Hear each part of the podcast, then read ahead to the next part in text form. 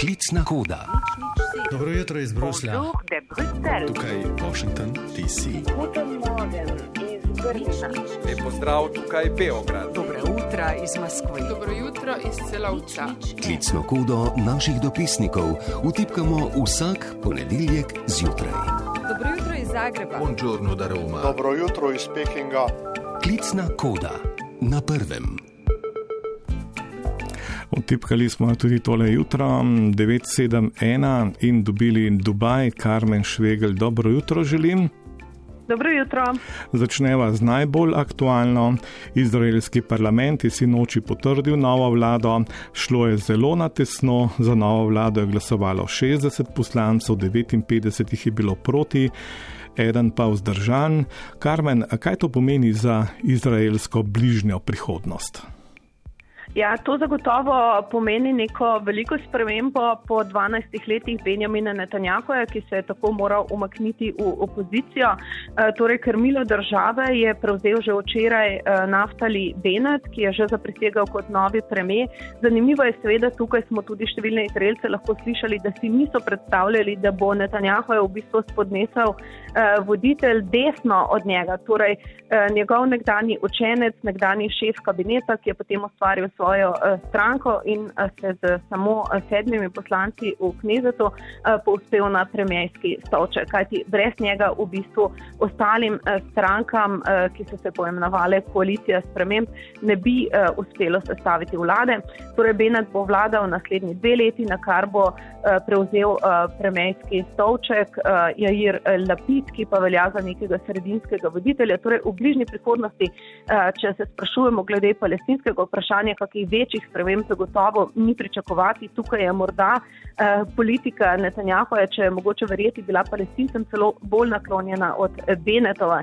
Tako da prve spremembe zares bi lahko prišle, ko bo Lapid eh, prevzel torej, eh, premijski položaj, kar pa bo šele torej, čez dve leti, če sploh, kajti ta koalicija je zelo pisana od leve do desne, v njej je tudi prvič v zgodovini Izraela arabska stranka. Mnogi se sprašujejo, ali bo sploh eh, vzdržala prvi dve leti, kaj šele dlje. Eh, tudi sicer večina izraelskih vlad eh, v bistvu propade prej in eh, prečasne volitve so kar nekako norma. Tako da ta koalicija se res imenuje koalicija sprememb, a vendarle zelo velikih sprememb ni pričakovati. No, na odnose v regiji pomembno vpliva tudi Iran. V petek bodo tam potekale predsedniške volitve, se napovedujejo spremembe. Ja, v Iranu se napoveduje spremembe, tudi lahko smo slišali včeraj v izraelskem knezetu, to je njihova glavna zunanje politična tema. Netanjahu je, je dejal, kako se bo ta nova vlada eh, zoprstavila Iranu, v teh Iranu danes slavijo, ker imamo šipko vlado. Eh, tako da to je povezano v regiji zagotovo. Eh, Obenem potekajo pogajanja za uživitev iranskega jedrskega eh, sporazuma.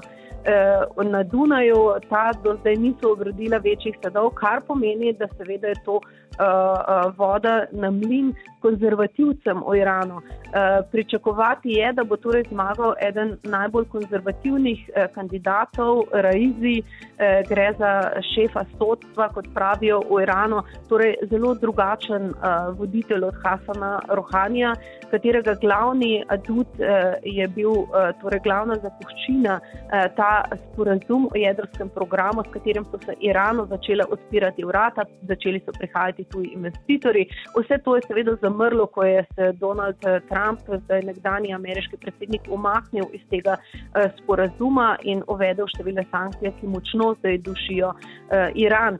Torej, um, in tako konzervativci v bistvu so nekako uh, to vzeli kot del volilne kampanje, ključni del volilne kampanje, lahko celo rečem, češ pogledajte, Zahodu ne kaže zaupati sklenemu sporazumu, od katerega se uh, potem uh, omakne in potem je znova Iran uh, pod sankcijami. Potrebujemo voditelja, ki bo vladal s trdo roko, ki bo Zahodu pokazal, uh, kdo smo mi. In to smo lahko vse slišali v volilni uh, kampanji. Torej, uh, v Iranu lahko pričakujemo, še bolj konzervativno vlado, še bolj zaostreno retoriko do Zahoda, kajti premalo časa je, da bi se na Dunaju kaj premaknilo in bi to bilo uprit zmernežem o Iranu, če tako rečem, zmerni struji, ki tako izgublja politični vpliv, krepijo se pa konzervativci, tako da tukaj lahko pričakujemo zaostreno retoriko tudi o regiji, kjer da nimo sunitske države, ki so sklenile mirovne sporazume ali pa sodelujejo z Izraelom,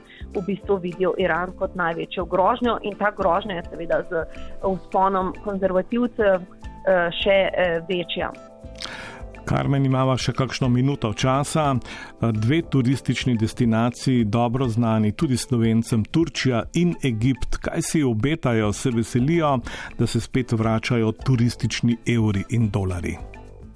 Eh, zelo, vsaj v Turčiji, lahko rečem, da so skrbi velike. Govori se celo o kolapsu turistične sezone, torej da turistov skoraj da sploh ne bo. Turčija ima enostavno premalo cepiva, premalo ljudi je bilo eh, cepljenih, eh, še vedno pač so potrebni strogi ukrepi, nekateri veljajo, nekateri ne. Dejstvo pa je, da je število okužb še vedno zelo visoko in Turčija nekako ostaja na tej rdeči listi, kamor številne države v Evropski uniji.